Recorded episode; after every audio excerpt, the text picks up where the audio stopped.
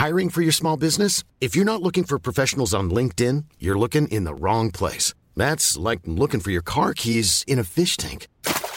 LinkedIn helps you hire professionals you can't find anywhere else, even those who aren't actively searching for a new job but might be open to the perfect role. In a given month, over 70% of LinkedIn users don't even visit other leading job sites. So start looking in the right place. With LinkedIn, you can hire professionals like a professional. Post your free job on linkedin.com slash people today. A lot can happen in three years, like a chatbot may be your new best friend. But what won't change? Needing health insurance. United Healthcare Tri Term Medical Plans, underwritten by Golden Rule Insurance Company, offer flexible, budget friendly coverage that lasts nearly three years in some states. Learn more at uh1.com.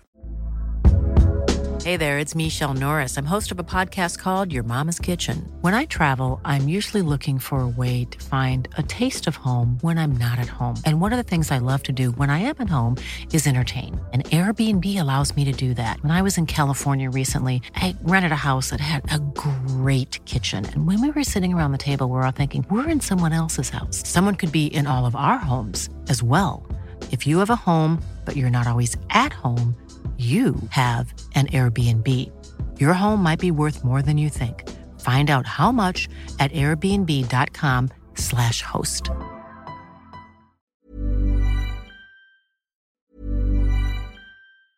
Hey, I'm Ryan Reynolds. Recently, I asked Mint Mobile's legal team if big wireless companies are allowed to raise prices due to inflation. They said yes. And then when I asked if raising prices technically violates those onerous two-year contracts, they said, "What the f*** are you talking about? You insane Hollywood ass." So to recap, we're cutting the price of Mint Unlimited from $30 a month to just $15 a month. Give it a try at mintmobile.com slash switch. $45 upfront for three months plus taxes and fees. Promo for new customers for limited time. Unlimited more than 40 gigabytes per month. Slows. Full terms at mintmobile.com.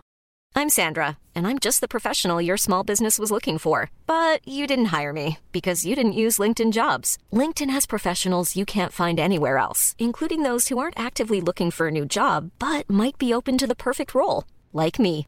In a given month, over 70% of LinkedIn users don't visit other leading job sites. So if you're not looking on LinkedIn, you'll miss out on great candidates like Sandra. Start hiring professionals like a professional. Post your free job on linkedin.com/people today.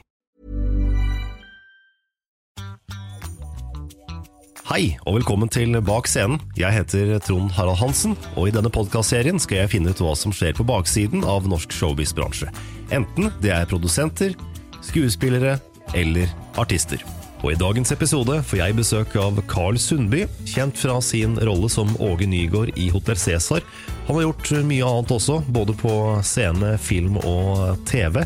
Nå driver han eget teater, Karlsvogna teater. Du hører på Bak scenen, podkasten som tar deg med på baksiden av norsk showbiz-bransje. Her er Carl Sundby. Bak scenen med Trond Harald Hansen. Du blei landskjent som Åge Nygaard, men alt starta jo mye før det. Ja, det starta absolutt lenge før. Det starta på Sagene folkeskole, hvor jeg først var tolv år, hvor jeg spilte i et stykke som vi lagde selv, noen, noen barn da, fra steinalderen med to, med to uh, lærerelever. Sånn begynte jeg egentlig teater, og fikk en glødende interesse for det, for folk syntes jeg var god. Og når du blir ansett å være god i noe, så får du lyst til å fortsette med det. Og jeg var ikke god i det meste, så, dette var en av de få tinga. Så starta jo teaterskolen. Jeg begynte hos Ågot Støkken i 1971. Hun var sangerinne i kor i operaen, og der gikk jeg et helt år og leste med henne, og det var fabelaktig tid. Fordi jeg visste jo ikke hva teater var, jeg ante jo ikke noe om det.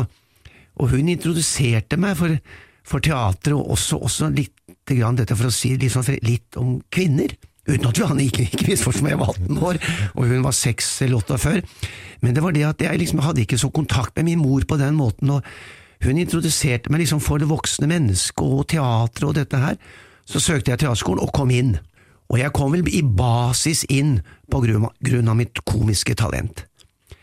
Eh, var, det, Varden sa til meg at jeg hadde spilt i Richard 3. og trodde at det var ringeren fra Notre-Dame? så, så, sånn begynte det. Så kom jeg inn på den teaterskolen, og fant min store kjærlighet der, min første av de. Du vet hvordan livet er. Og eh, teater var nytt, merkeverdig, ukjent og magisk. Og det var en vei for meg til å nærme seg meg selv, et, et liv jeg liksom ikke visste noe om men jeg ble også introdusert for en intellektuell virkelighet.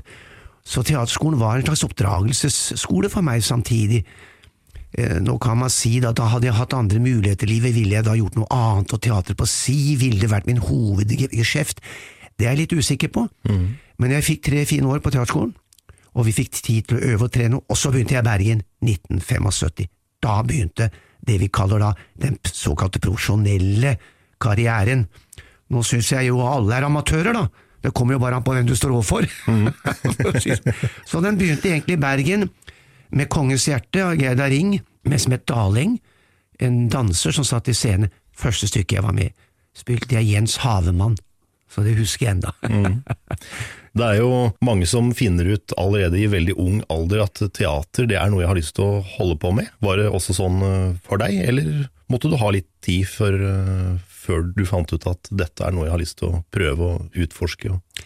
Det hang litt i hop med hvem man er og hva man er. Nå var jo jeg født liten, spedbygd, litt fregnete og litt med rødskjær i håret, i veldig, veldig fattige kår, i en veldig beinhard omstendighet. Så noe av det jeg utvikla var vel kanskje også litt av klovneri i meg, for det var en forsvarsmekanisme, og den historien har man hørt mange ganger av mennesker som var født med den. Eh, Så, så jeg tror at det, jeg begynte å lære mitt komiske talent å kjenne på den måten, og syntes også det var moro. Jeg syntes det var moro å manipulere folk, ikke å ljuge for folk, ikke å bedra de, men å liksom mildne de på en måte, eller forandre deres atferd eller uts måte å oppføre seg på, og det kunne jeg gjøre litt gjennom gjøgleriet, og det gjør jeg enda, og nå ble jeg 64 hvert øyeblikk, så det har ikke forandra seg. Så, så det begynte litt sånn, og så likte jeg drama, for livet mitt var jo tragisk. Jeg har en tragisk barndom, så den blandingen det gjorde at jeg fikk en interesse for det dypsindige tragiske som jeg ikke forsto noe av, for jeg var født med et veldig godt humør. Jeg, jeg var det, altså, jeg var Men samtidig så var det, jeg var nysgjerrig på denne tragiske virkeligheten som jeg ikke skjønner noe av før nå, i veldig voksen alder. Nå begynner jeg å skjønne hva livet er, hva virkeligheten er, men jeg skjønte ikke det som barn, men jeg var nysgjerrig på det.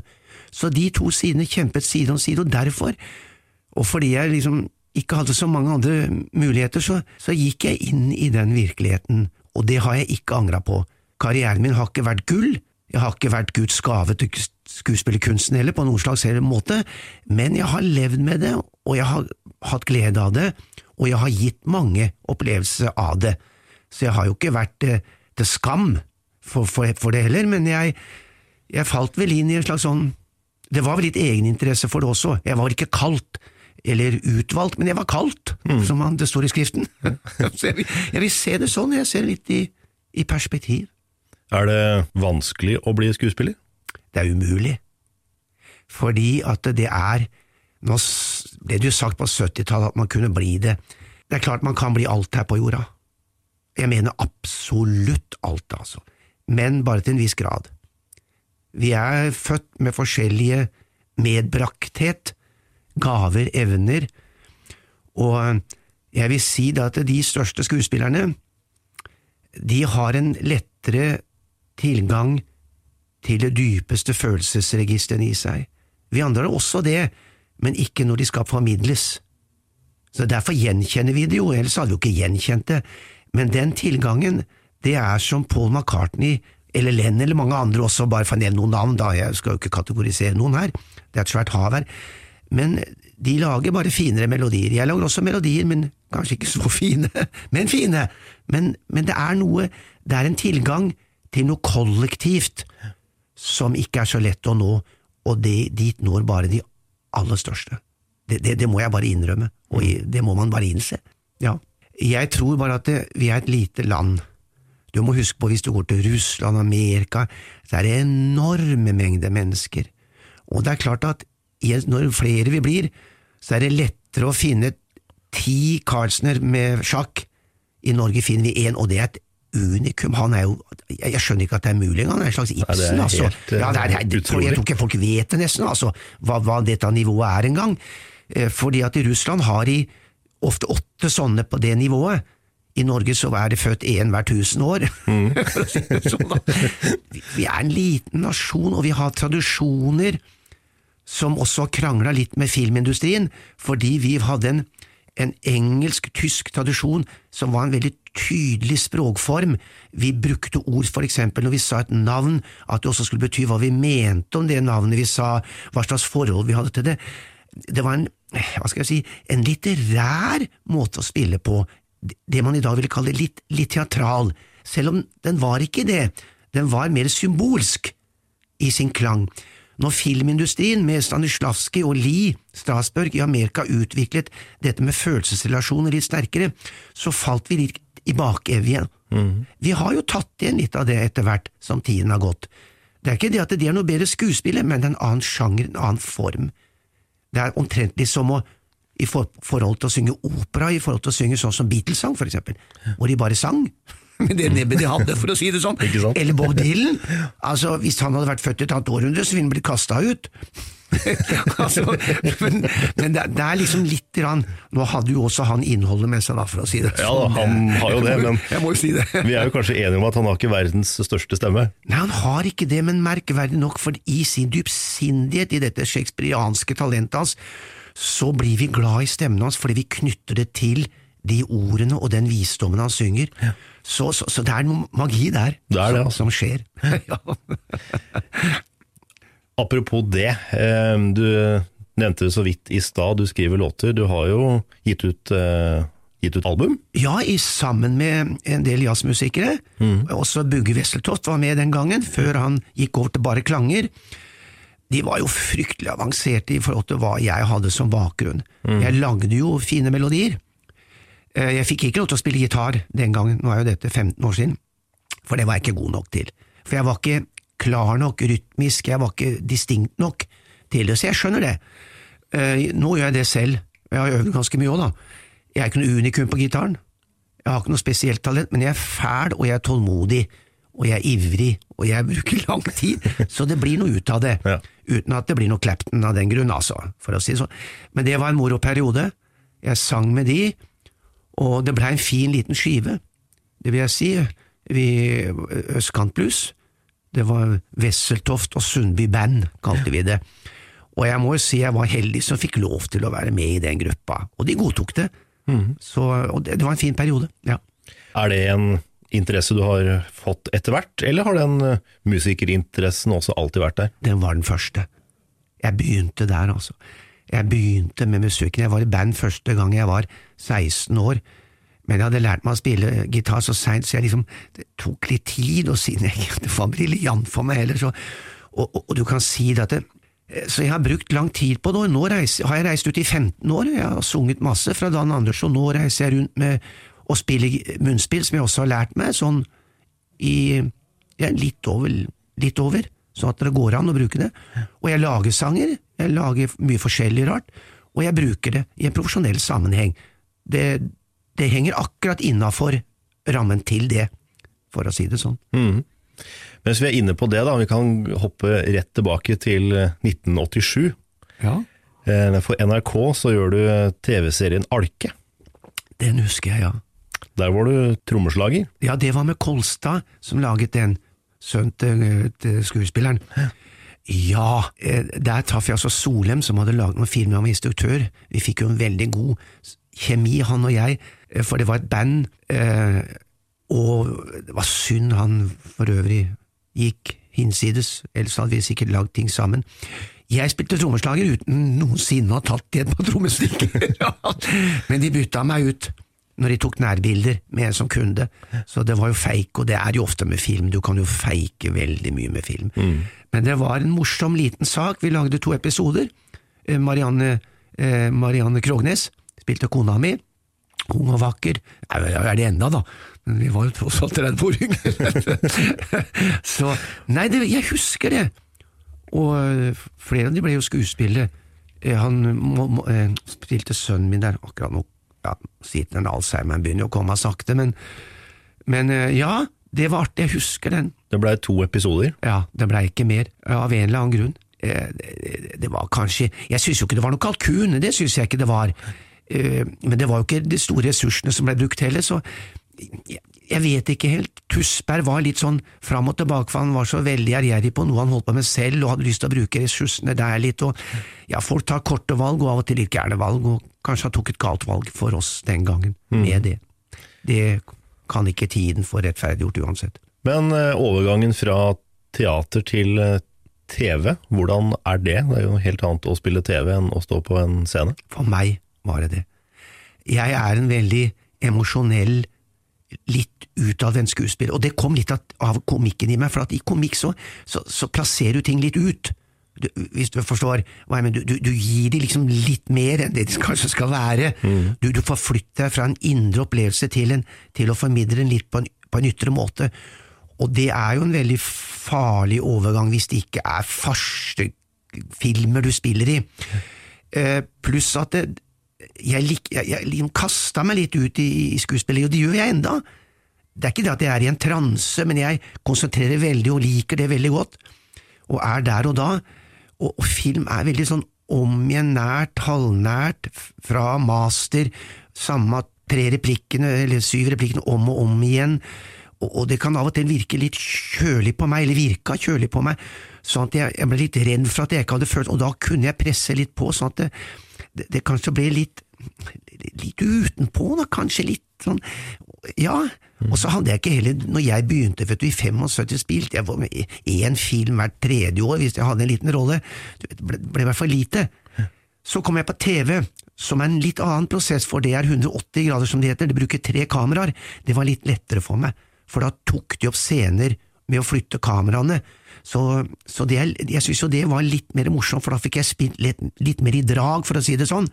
Eh, ja. så det Jeg, vil si at det, det, det, Jeg var kanskje litt usikker også, jeg, som menneske, og jeg brukte litt det, Stolte kanskje ikke helt på det indre, sånn ja, den usikkerheten i meg, og det at folk i film de står og snakker om deg på avstand, du, hva er det de snakker om, jeg, kanskje litt den også, litt Er ikke, er ikke bra nok, liksom? ja, ja, liksom litt den, altså. Jeg, jeg, jeg er veldig sånn direkte i kommunikasjon, så og, da syntes jeg det var vanskelig. De kom liksom fram og skulle formidle det på en følsom måte, og da ble jeg liksom litt mistenkelig, og kanskje jeg hadde noen svakheter der. Kanskje det også hindra meg litt fra å helt den store forløsningen i det.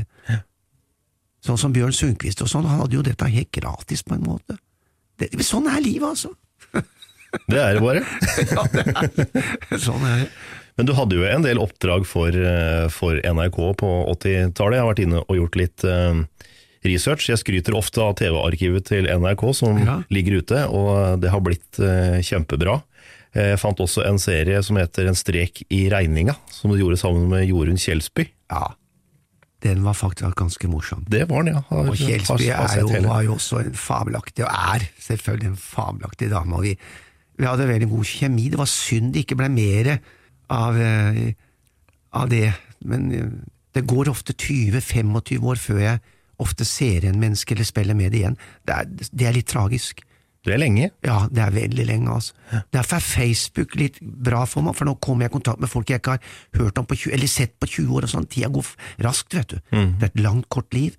Uh, ja, vi hadde den strek i regninga, husker jeg det. Den var et bidrag til uh, Ja. Jeg husker ikke hva, men temaet var liksom økonomisk uh, Det var noen svindlinggreier som Skagen, en som heter Skagen, han krimforfatteren hadde skrevet. Det, det husker jeg. Jo da, jeg lagde også noe for den euro, hvor jeg spilte noe stumfilmgreier, det husker jeg jo var med på. Mannen fra stumfilmen.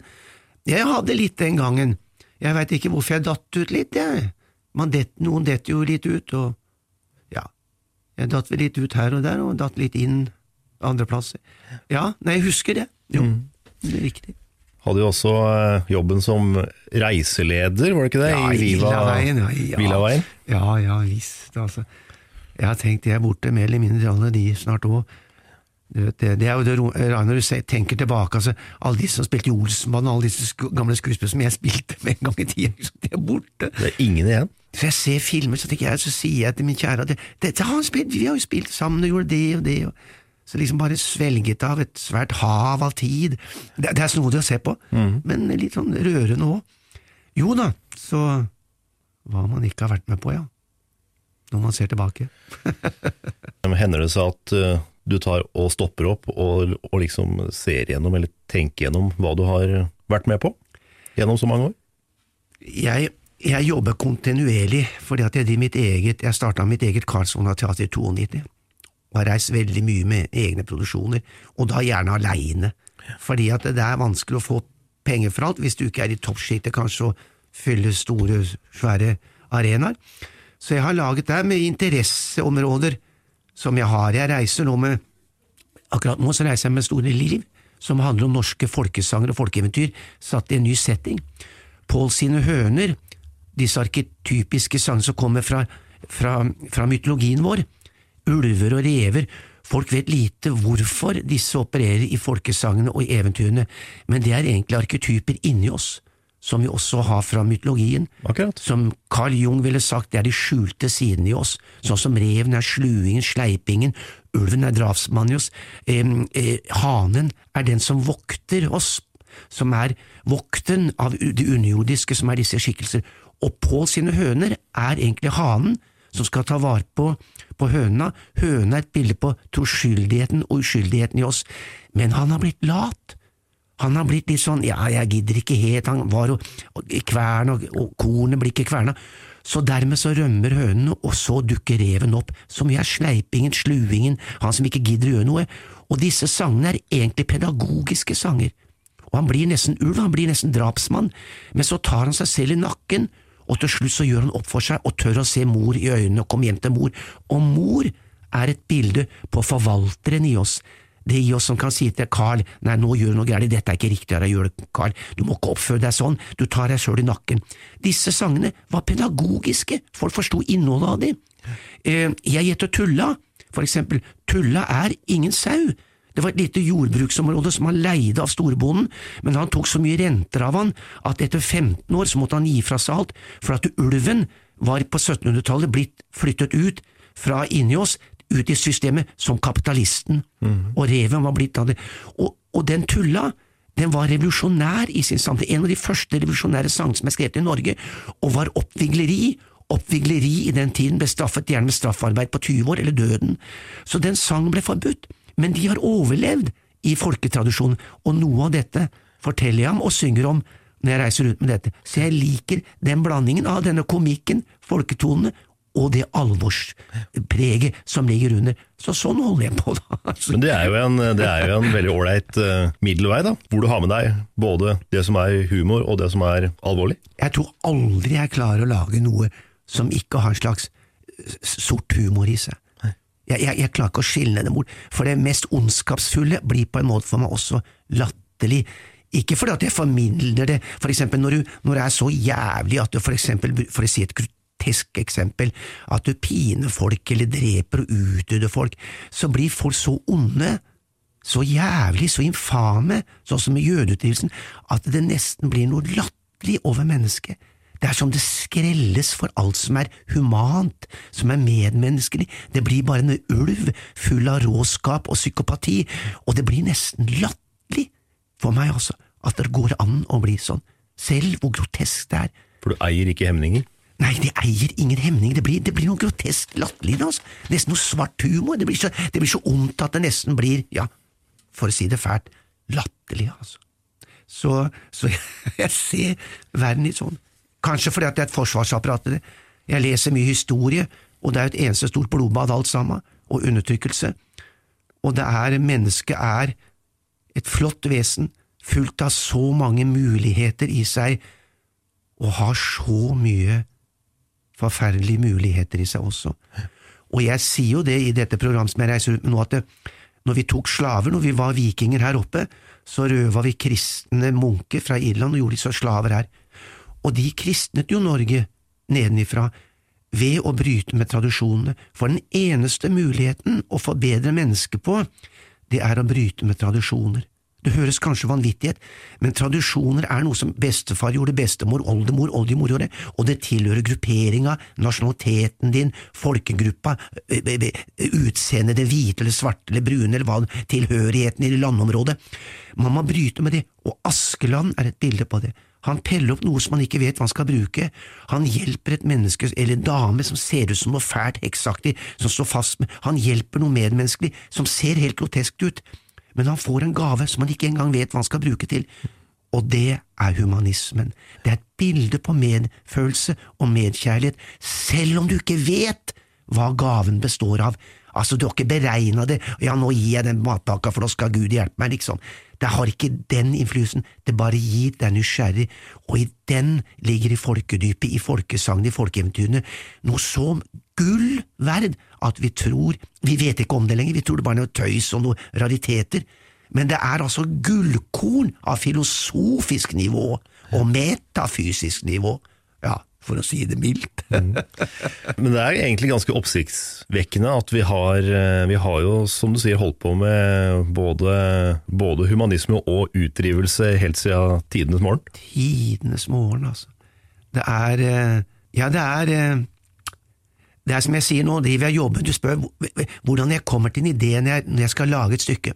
Når jeg lagde Vårt store lille liv, som jeg reiser med nå, så tenker jeg hva kan det komme av at det er vi som trodde på ordene, sånn som meg, jeg har trodd på ordene i den forstand, med logos som ligger også i den tradisjonen, men det er ikke det at jeg er medlem av, av kirken, jeg er medlem av noe som heter Kristensamfunnet, som er antroposofisk lagt an, eh, litt i en Rudolf Steiner-aktig, men det handler om kristendom i, i dyp forstand, og ordet det at ordet har en makt, ordet er virkelig, ordet er levende, og jeg lurte på hvordan kunne Bjørneboe skrive alle disse fantastiske tingene, han er jo en munk, altså, han er jo, han er jo ja, så dypsindig i sin tenkning, i sine dikt.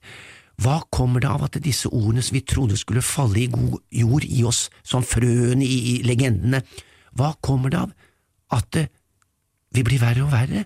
Vi blir grådigere og grådigere når alle disse fantastiske forfatterne våre, sangerne våre, skrev om det motsatte.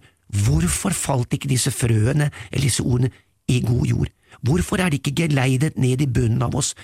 Og det er med et mysterium. Det har jeg lyst til å lage noe om. Hvorfor? Hvorfor ble disse ordene borte? Hvorfor blomstrer de ikke i systemet vårt? Hvorfor har vi blitt grådige, så utnyttende som vi har blitt innenfor vårt eget system også? Hva kommer det at vi har fått så mye frykt for hverandre innenfor det systemet som egentlig er en av de beste i verden, da, som vi lever under? Jeg tør ikke engang å begynne å nevne de andre verden ute i den store verden. Jeg tør ikke engang nevne det, hva slags forhold det er, altså. Hva de tenker, hvordan de opplever det. Men dette handler da teater for meg om. Mm. Dette er teater, handler ikke bare om å være skøyeraktig, artig, selv om jeg kan være det òg. Det må for meg også omhandle noe av disse vågale, jeg vet skremmende tingene som jeg nå nevner litt om. Den blandingen. Men det er klart, vi må også bevare latteren, humoren i oss, og ikke minst selvironien, altså. Jeg må kunne si til meg selv, Carl, Carl, du må ikke glemme at du var en, en liten kalv. Jeg har gjort mye fælt, jeg òg. Jeg har vært ironisk, jeg har vært slem på mange måter, og jeg må le av det, samtidig som jeg skal ta det alvorlig for jeg har såra noen. Jeg har hatt et forferdelig temperament, og jeg har sagt ting i sinne som jeg, har, jeg grems over enda, i min anger, i søvnfylte tilstander. Så vi, så vi, men dette må vi kunne rense opp i, og her kommer teater inn. Farser kan ta for seg tabuområder som får oss til å le av bedrag, av svindel, vi bedrar våre koner, våre menn, men vi må på en eller annen måte, for å tørre å nærme oss det, kunne le litt av det, ellers så dreper det oss, og vi vil jo ikke gå til grunne, det er jo ikke det vi ønsker, vi ønsker å komme videre, vi ønsker å komme til å kanskje bli bedre mennesker òg, iallfall noen av oss, kanskje mesteparten òg, så, så, så, derfor så har jo teater for meg en dypsindig eh, misjon, altså. Men humor, det har du gjort mye av også. Ja, gudskjelov at jeg hadde den evnen, og fikk lov til å være med på det. Hvis jeg sier um, Leif Lorang Lund, eller, um, eller Eddie Leif Lorang Eddie Nei, da, TV, nei, da må du minne meg på det. Altså. Mot i brøstet. Ja, ja. Jeg var jo ikke så veldig mye med der. Jeg hadde noen scener. Jeg husker en scene hvor jeg spilte en selger på et tog i en kupé. Ja. Det var Leif Lorang Lund.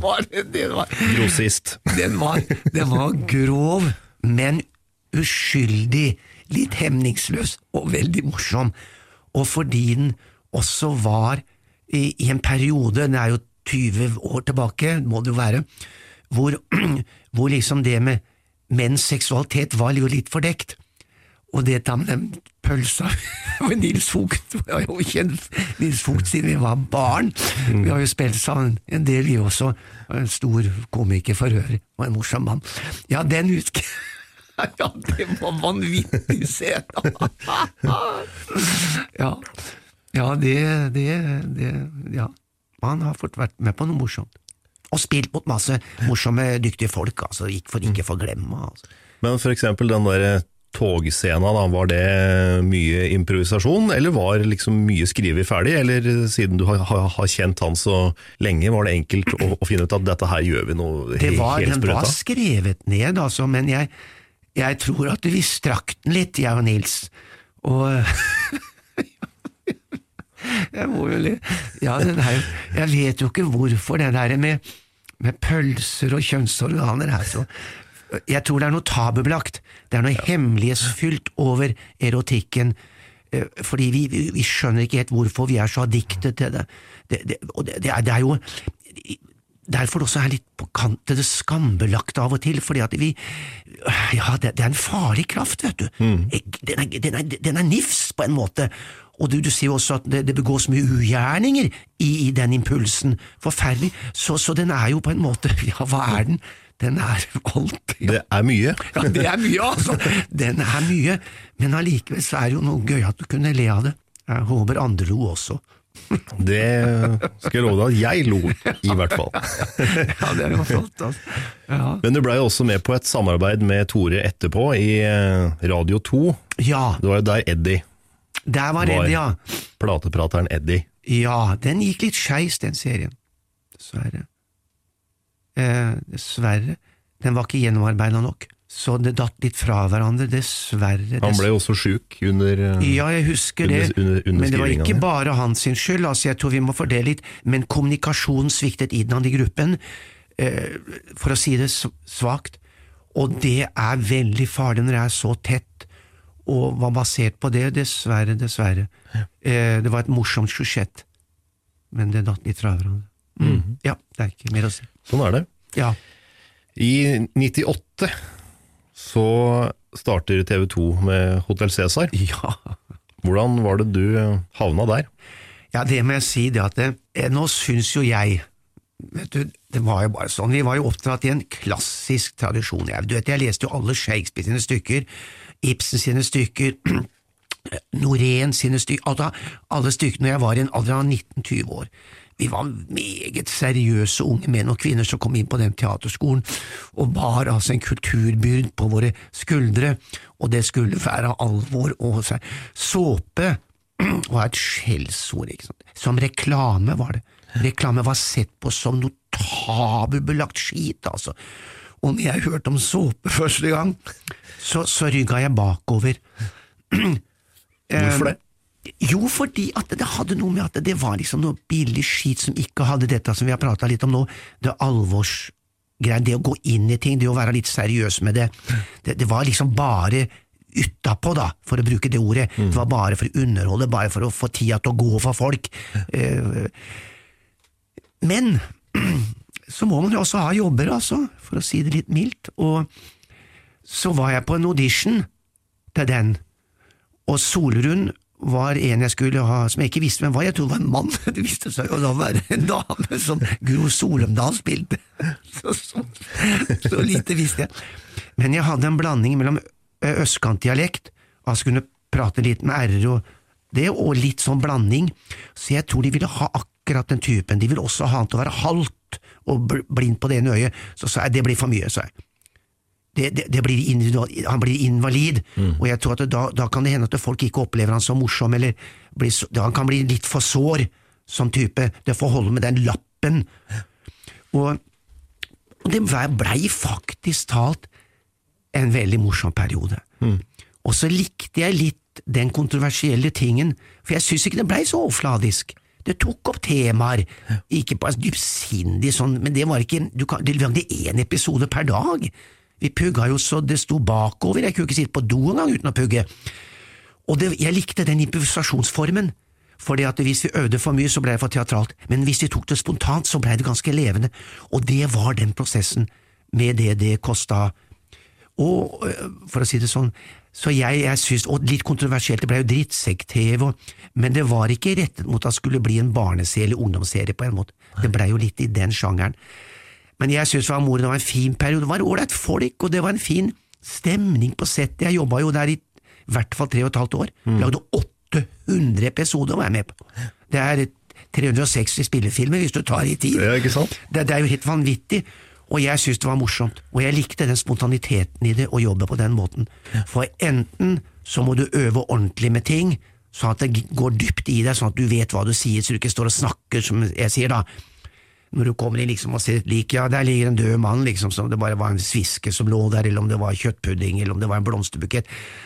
Enten så må man jobbe med det sånn at du kommer nedpå fakta, eller så må man improvisere litt i det. Og det jeg likte, er at vi gjorde improvisasjon på det, for at vi kom ikke ned i den dybden, og da falt det bedre ut. Det var en morsom periode. Men som alt annet så kan ikke jeg bli sittende i en institusjon, jeg kan ikke sitte med gullhåndjern på meg i, i institusjoner, derfor har jeg slutta bestandig òg.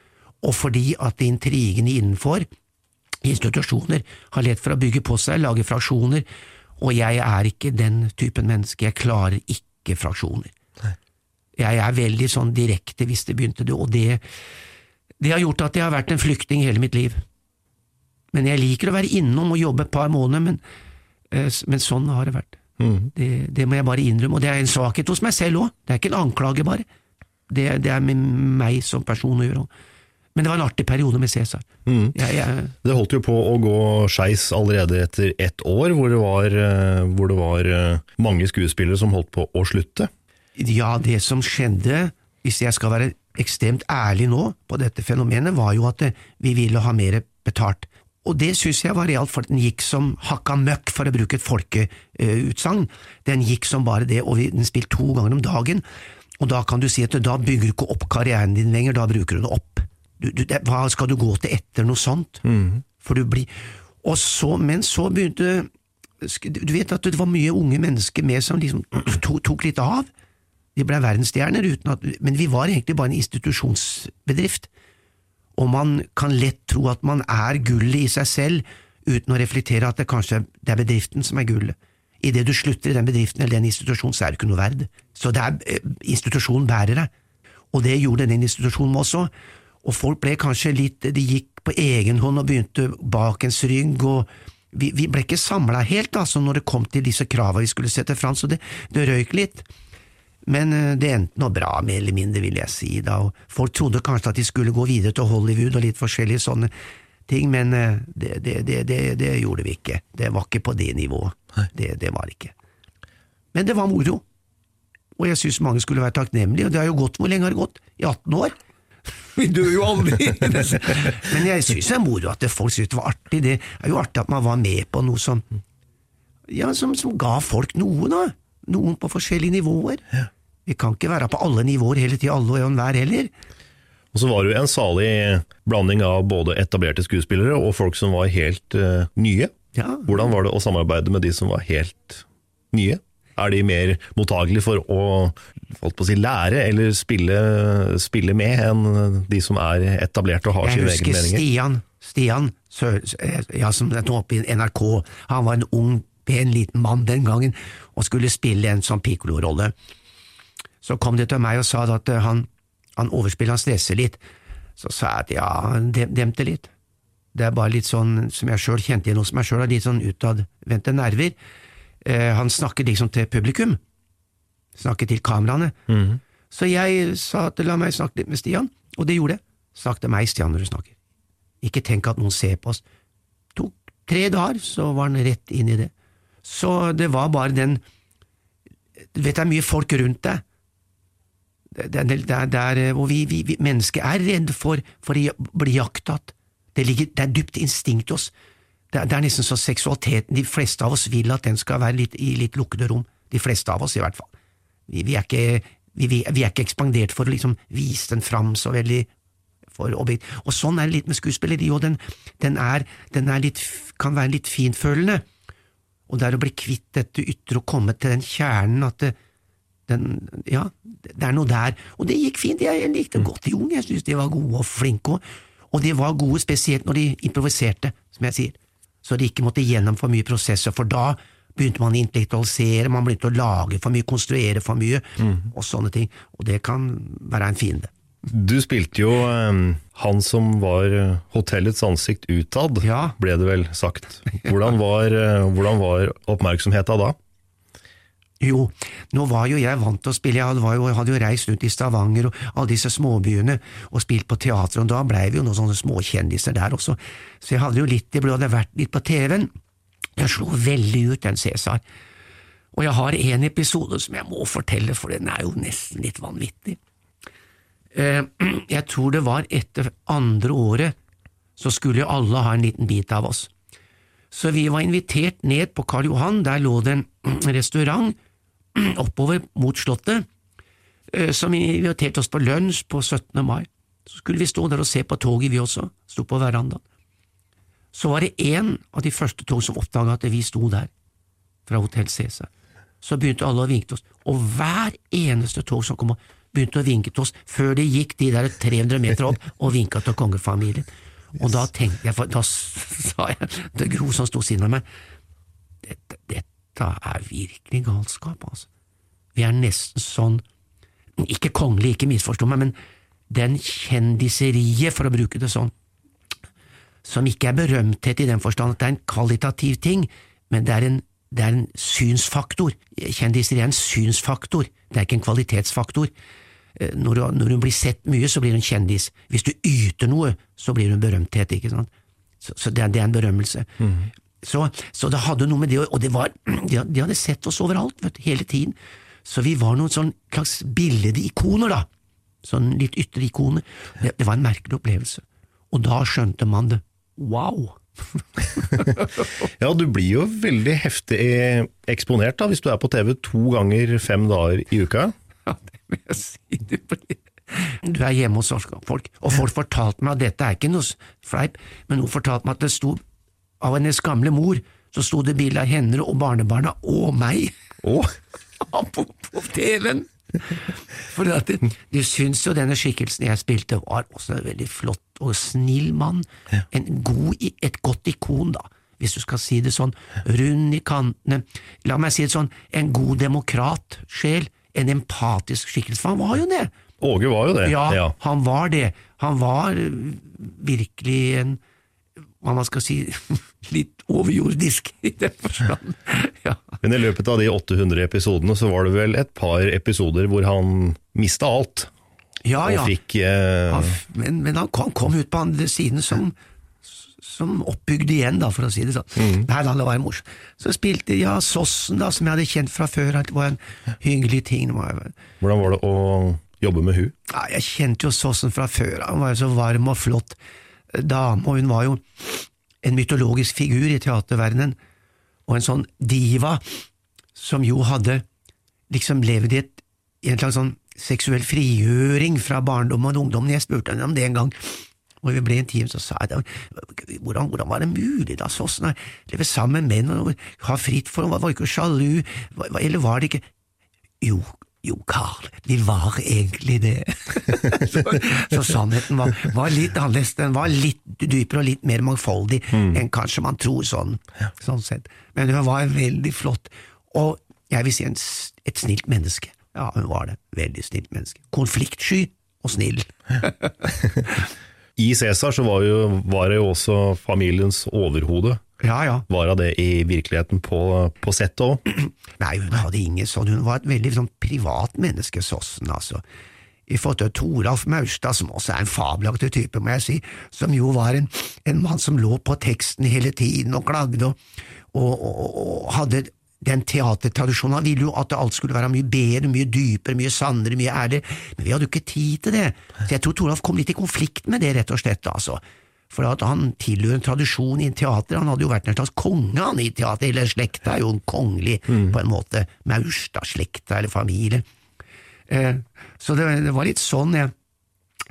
Nei, og, og Anette Hoff ble jo liksom på en primus motor, for det vet du også spilte en alkoholiker som slo hjem i de tusen hjem, så hun fikk liksom en slags hovedrolle også i, i, det, det, i sosia, det sosiale offentlige rom, på grunn av rollen sin, altså, på den typen, så vi, men på et sånt sett så syns jeg vi det, det, var, det var ingen sånne fraksjoner som var slemme, det, det, det, det, det, det opplevde jeg ikke. Nå var jeg der bare tre år, da, så jeg vet jo ikke hvordan det var i 19 andre, eller, var, det- eller i 16 andre, det vet jo ikke jeg. Men serien tok jo også opp eh, temaer som eh, på den tida var kontroversielle, Ja, men som i dag er eh, helt vanlige. Ja, jeg, jeg likte jo at du gjorde det, og jeg syns kanskje det at det, det, det kan brukes mot, men husk på det at Norge var oppdratt i en, en, en, en tradisjon hvor vi, vi var folke-TV-slaver. Altså NRK1 da, kalles, skulle liksom oppdra alle det norske folk til moral, til innsikt, til viten, til kunnskap. Det var en slags sånn skolemesterrolle. Det, det var jo en sånn ut, utvida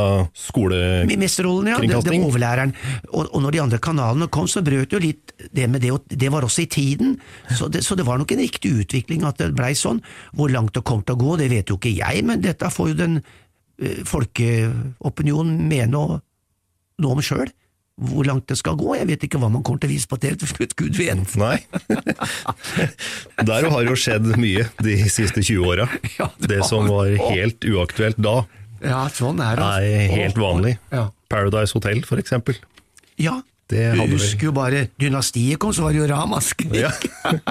det er jo bare helt uskyldige ting. Men jeg var jo også Jeg jobba jo mye i friteatrene.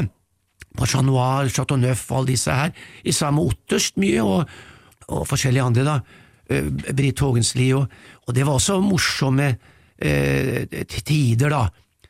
Og da spilte vi jo mye farser. Da spilte vi 170 forestillinger og sånn, og vi reiste rundt med Så det var eh, under Sterri og Trond Lie satt opp mye, som jeg kjente fra før. Han hadde jo satt opp mye farser mens jeg jobba i Stavanger og rundt omkring, så vi kjente fra før av. Så det var også en morsom periode. Da gikk det bare på farser. Det var noen år fra rundt 95 og oppover der til år 2000 og 2000 og noe et eller annet. Så ja. Så har jeg reist mye rundt og spilt både i, eh, på Nordland Teater og Sogn og Fjordane. Jeg har jo gjesta litt her og der, sånn innimellom, når de har brukt for meg. Og en eh, liten rolle her og der i noe TV og film, det er ikke for mye, kunne vært mer, men eh, det er jo ikke noe jeg avgjør. Jeg kan jo ikke velge hvem av damene som skal danse med meg bestandig. Så eh, jeg er jo på dansetilstemningen, så får man jo bruke meg eller ikke bruke meg. Ikke sant? ja, jeg ser det litt sånn, da. Men du har jo vært aktuell på TV nå, ja, på NRK. ja. Vikingene. Ja, det var en morsom liten scene, det må jeg innrømme. Det, det var, og jeg likte den jeg, jeg likte den ironien i den, i den. Det, det var humor. Og, og så var det noe med at det, det blei så autentisk, fordi vi snakka norsk. Og så ser de ut som vikinger, disse som har rollen, for vi er jo nordmenn, liksom, på en måte. Det er jo og når jeg kjenner jo disse skuespillerne som er jo så snille og veldig privat, når de får på seg dette skjegget og den drakta, så virker de jo som de verste hedninger som kan hogge folk i to. Så det, jeg liker den, det ble noe autentisk, samtidig med at språket var litt modernistisk, og humoren var litt sånn sarkastisk. Jeg, jeg syns det er noe som vi nordmenn er litt flinke til. Det er litt i den tradisjonen jeg kaller Olsenbanden.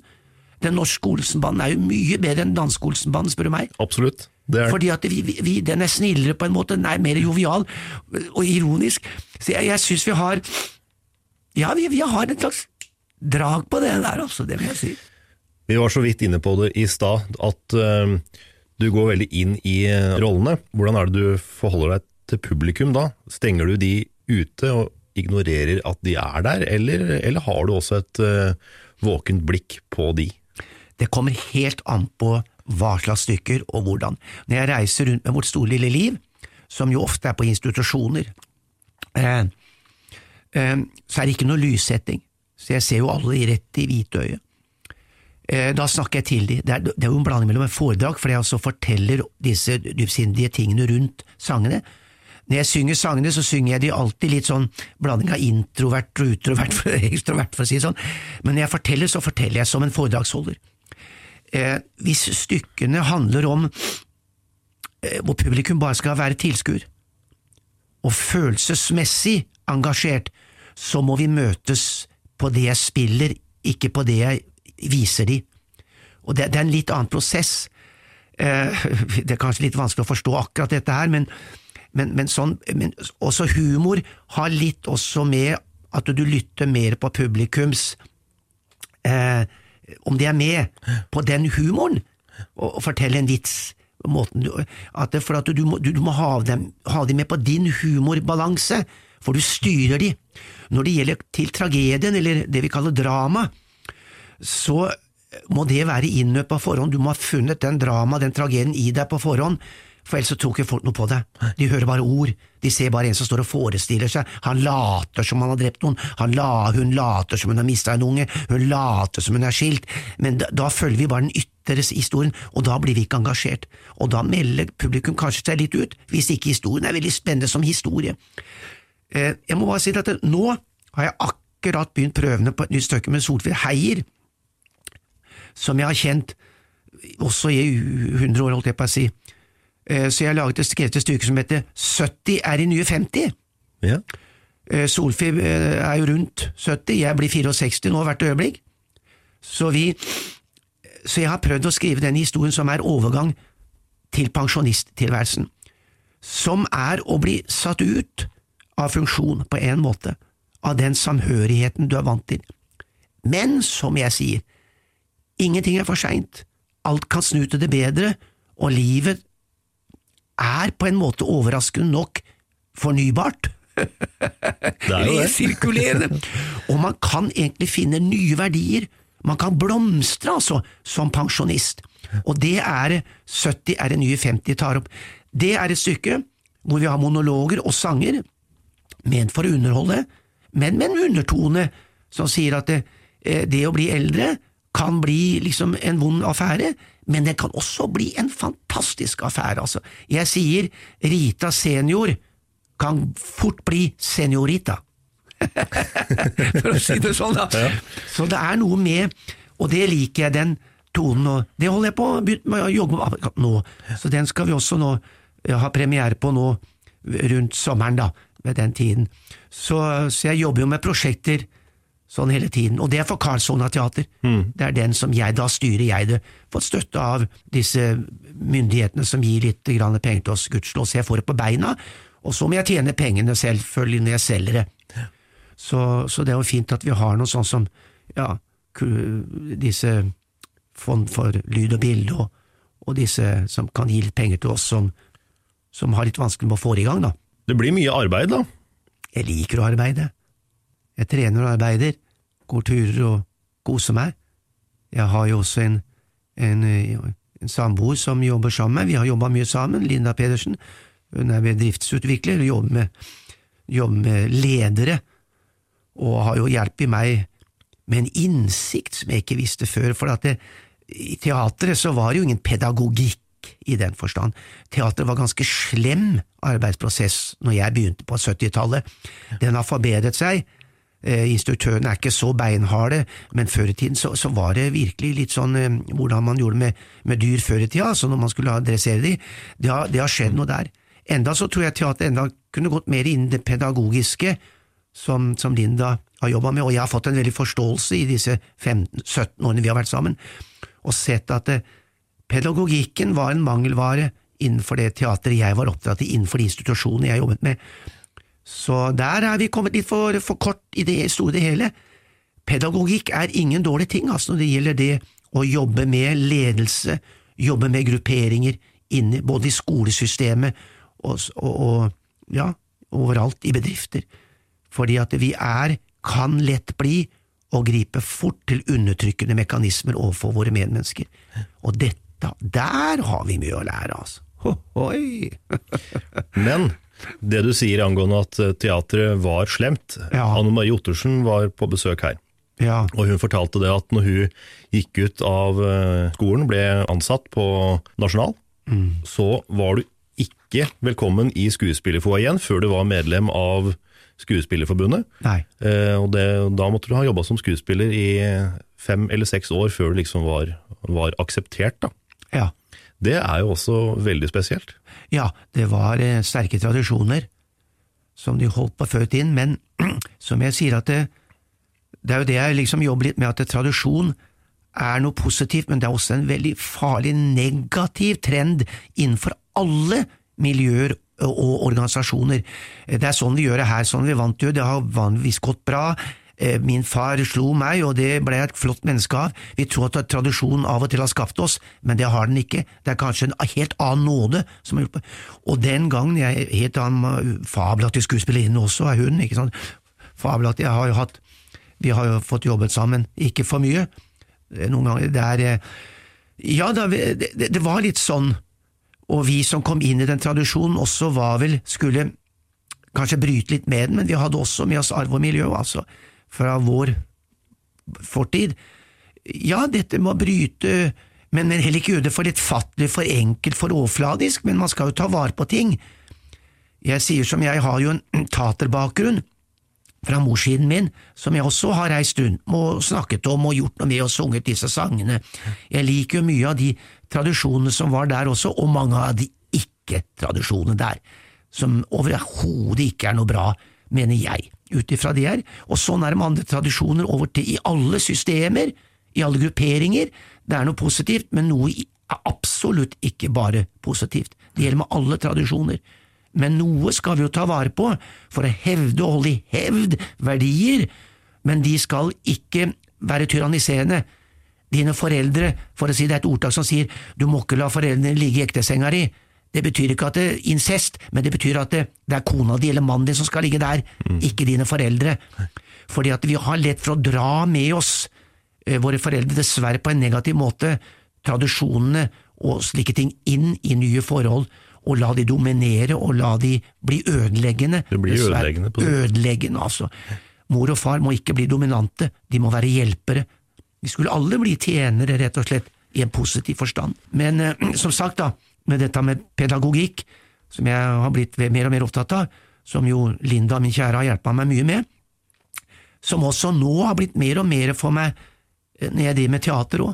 Jeg har jo satt i scene en del, jeg har jo skrevet en del for teater, og prøvd å, å forbedre meg der også når det gjelder dette med, å, med hvordan man instruerer. Hvordan nærmer du deg et annet menneske uten bare å dominere det, eller å flytte dine synspunkter over til det? Hvordan, hvordan vekker du det mennesket uten at du liksom blir en slags helbreder eller en slags sånn predikant? Det, det, det er et vanskelig fenomen, rett og slett, det å arbeide med andre mennesker, når du også da skal ha innflytelse over dem Ikke sant? eller bestemme resultatet på en eller annen måte. Dette, jeg har alltid likt å arbeide med mennesker som har vært helt motsetningsfylt av meg. Per Møyen var en instruktør i Norsk Teater en gang, jeg likte jo han veldig godt. Han satte opp Barcelona Bar på Det Åpne Teater, hvor jeg også jobba i mange år med ny norsk dramatikk. Vi hadde helt vidt forskjellige meninger, jeg tror, om nesten alt, fra det politiske, religiøse. Vi jobba fabelaktig sammen, og resultatet blei veldig godt, for det ble ikke bare karsdominans, for at det, ingen har sannheten alene. Sannheten kan bli det største bedrag, hvis du tror du er alene om det. Dette er samarbeidet som, hvor sannheten ligger som kjerne, og det er vesentlig for meg å vite om det, at du kan du kan ikke representere Gud. Du kan vise hen til Gud, men du må aldri representere Han, for det er du ikke vektig nok som menneske. Den sannheten bærer du ikke. Du kan bære en hengivenhet overfor Gud, du kan bære en, en tiltro, men du kan ikke representere Han. Det er for meg tabubelagt, for å si det rett ut, altså. Men det må jo være fint å samarbeide med noen som har andre synspunkter, andre meninger, og se på ting med helt andre øyer enn det du gjør, og, og sammen lager et bedre resultat, da. Ja, og dette har jo vært en hemsko, for jeg har også vært et vanskelig menneske å samarbeide med, fordi jeg har hatt integritet og andre følelser, og før i tiden til og med uten at jeg skal gå inn på navn, har sagt at nei, jeg kunne ikke jobbe med henne eller han, for jeg synes ikke vi har riktig kjemi. Og det trodde jeg på en gang i tiden, at det var ja, ikke sant, man må ha kjemi, for, og det er den største fienden av alt. For man skal ikke ha den kjemien. Den er gal, fordi at den kjemien, den er lullende. Det er, det er, det er, det er, misnøye med bløtkake til, for å si det sånn. Det er å kunne møte det andre mennesket, ikke la det bli dominant, men du skal, dette her med at ja, hva mener du egentlig? Å lytte ordentlig, kom på innsiden av det andre mennesket, og det handler ikke om kjemi, det handler om dypsindige meningsutvekslinger og fakta, men der kommer pedagogikken inn igjen. Du må kunne vise ned til fakta, ikke bare at jeg føler, jeg syns, jeg mener. Hva er fakta? Så vi har mye å lære innenfor det pedagogiske prinsipp- og begrepsapparatet, og som Carl Gustav Jung sier, den store filosof, eh, eh, psykologen, han sier jo det at det, vi bærer jo skikkelser inni oss som er skjulte for oss. Første og andre og tredje og fjerde funksjoner, skyggesider, som vi bruker uten at vi selv er klar over det. Og det er jo, dette er jo sjokkerende. Vi vet så lite om disse tingene at det er skremmende, for å si det mildt, altså. Og det er sjokkerende. Hva kan være årsaken, da? Vil vi ikke, ut, eh, eller, vil vi ikke utvikle oss? Vil vi ikke oppdage det? Jeg tror at det er en amerikansk tradisjon som sier at jeg, jeg sier til meg selv at jeg er god, så blir jeg det. Jeg er verd det, så er jeg verd det. Altså denne manipuleringen, når vi snakket om ord som skal synke inn i oss. Manipulering er ikke det samme som dybde, som å komme til innsikt. Jeg er bra, jeg er flink til det og det, jeg er den beste, jeg er- kommer til å bli best. Det er en slags sånn forsøk på å manipulere noe inni seg. Det kan brukes overfor menneskene, mennesker, individer, som har et slags ødelagt selvbilde, altså i en, i en slags psykologisk forstand. Men i et samarbeid i gruppering så er det en livsfarlig funksjon å bruke. Så jeg tror ikke vi skilner mellom dette og å vite når vi er på en måte skadeskutt og trenger selvtillit fordi vi er skadeskutt og kommer på et balansepunkt, og det å bruke det som manipulering også overfor andre. Jeg tror ikke vi vet så mye om samarbeidet, for å si det rett ut og pent. Nei. Og dette med kjemi har vært en tradisjon som har ødelagt veldig mye også innenfor kunsten, innenfor teatret, innenfor utvikling, innenfor gruppering, innenfor skolevesenet, innenfor bedrifter, innenfor institusjoner. Dessverre. Og hvis vi ikke møter dette, så tror jeg vi sakte, men synker det i som man ethvert system som har muligheten til å bli noe, det synker ned i dekadens. Det synker ned i, i selvgodhet. Det perverterer seg på en måte på sine såkalte styrker, som egentlig viser seg å være svakheter. Dette er ikke noe nytt fenomen, for å si det pent. Harde ord. Ja, Men det er jo sant. Ja, jeg mener at her ligger det en, en, en dybde som, som kan bli gull verd hvis folk tar opp eh, denne hansken, for å bruke det, for å bruke det ordet. For meg handler det ikke om å overbevise publikum, det handler om å være i, i samarbeid, i balanse med publikum. Og publikum har rett og lov til å mene at det du gjør er dårlig, ikke godt eller feil, men det har ikke lov til å ødelegge forestillingen din. Da må det demonstrere utenfor. Det, det, det har det lov til, men ikke innenfor. Har du opplevd det? Nei, jeg har ikke det, og jeg håper ikke jeg kommer til å oppleve det. Eh, men jeg mener at eh, ytringsfrihet er for meg hellig, men den må ikke være rettet mot å gjøre faenskap mot andre. Ytringsfrihet er også et ansvar under forpliktelser. Det handler ikke bare om å harselere og si ord som er ironiske, eller si ord så bare fordi jeg skal få noe ut av meg, liksom. Det er ikke åpenhet å liksom ha den løse tunga at jeg sier det jeg føler i øyeblikket. Man sitter tross alt overfor andre medskapninger som kan ta seg nær av ting. Så en litt ærefrykt må man ha. Men hvis det andre mennesket eller de andre grupperingene blir dominerende, undertrykkende, så har man lov til å bruke de samme midlene tilbake. Så får man balansere dette etter sitt eget begått forgodtbefinnende. Etter mitt skjønn, da. Jeg syns det var uh, veldig hyggelig å ha deg her. Takk skal du ha. Jeg håper at uh, noen har fått noe ut av skravlinga mi, eller hva jeg skal si. Jeg håper at folk uh, der ute kan skjønne at det å jobbe med teater det handler ikke bare om å bli kjent eller bli noe eller betydningsfull på en ytre måte eller en ytre ramme, men at det handler om verdier. Den indre verdien i hvert individ. Publikum er ofte smartere enn de som står på scenen. Folk sitter inne med mer viten der ute foran deg når du står overfor dem, enn du kanskje selv innehaver. Så det er farlig å tro at man innehaver en rettighet fordi om man har blitt løyve til å ha ordet eller ta ordet. Det gjelder i foredrag som i teater. Gulordet sagt. Det var min prat med Carl Sundby, og med det så er Bak scenen ferdig for denne gang. Jeg heter Trond Harald Hansen, tusen takk for at du har hørt på. Bak scenen lar deg få vite om hva som skjer på baksiden av norsk showbiz-bransje. Om en uke, ny episode. Da kommer Finn Kalvik på besøk. Jeg husker jeg spilte Konserthuset i Oslo aleine med tre gitarer, og, så satt Benny og Frida og kona mi satt i salen, og så hadde Benny og jeg gjort en liten avtale på forhånd. At han uh, skulle komme opp og, og, spille piano med meg på to låter, og det var um, Kom ut, kom fram og Lille Bakrana, stor flygel der, og vi hadde øvd litt. Og, jeg, jeg, husker introduksjonen min, og jeg sa at jeg hadde ringt til Norsk uh, Musikerforbund og prøvde å få tak i en pianist, men det var ingen som var ledig, så jeg måtte ty til, til Sverige, sa jeg. Så mine damer og herrer, vær snill ta imot Benny Andersson. Så kommer Benny opp.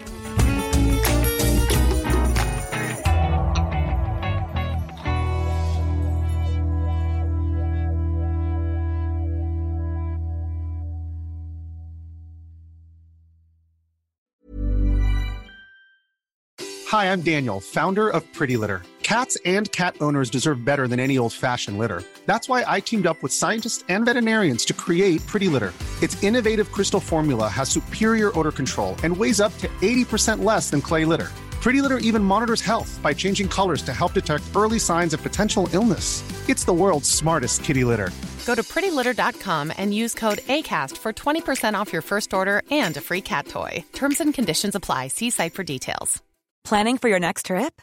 Elevate your travel style with Quince. Quince has all the jet setting essentials you'll want for your next getaway, like European linen, premium luggage options, buttery soft Italian leather bags, and so much more. And is all priced at 50 to 80% less than similar brands. Plus, Quince only works with factories that use safe and ethical manufacturing practices. Pack your bags with high-quality essentials you'll be wearing for vacations to come with Quince. Go to quince.com slash pack for free shipping and 365-day returns. Planning for your next trip?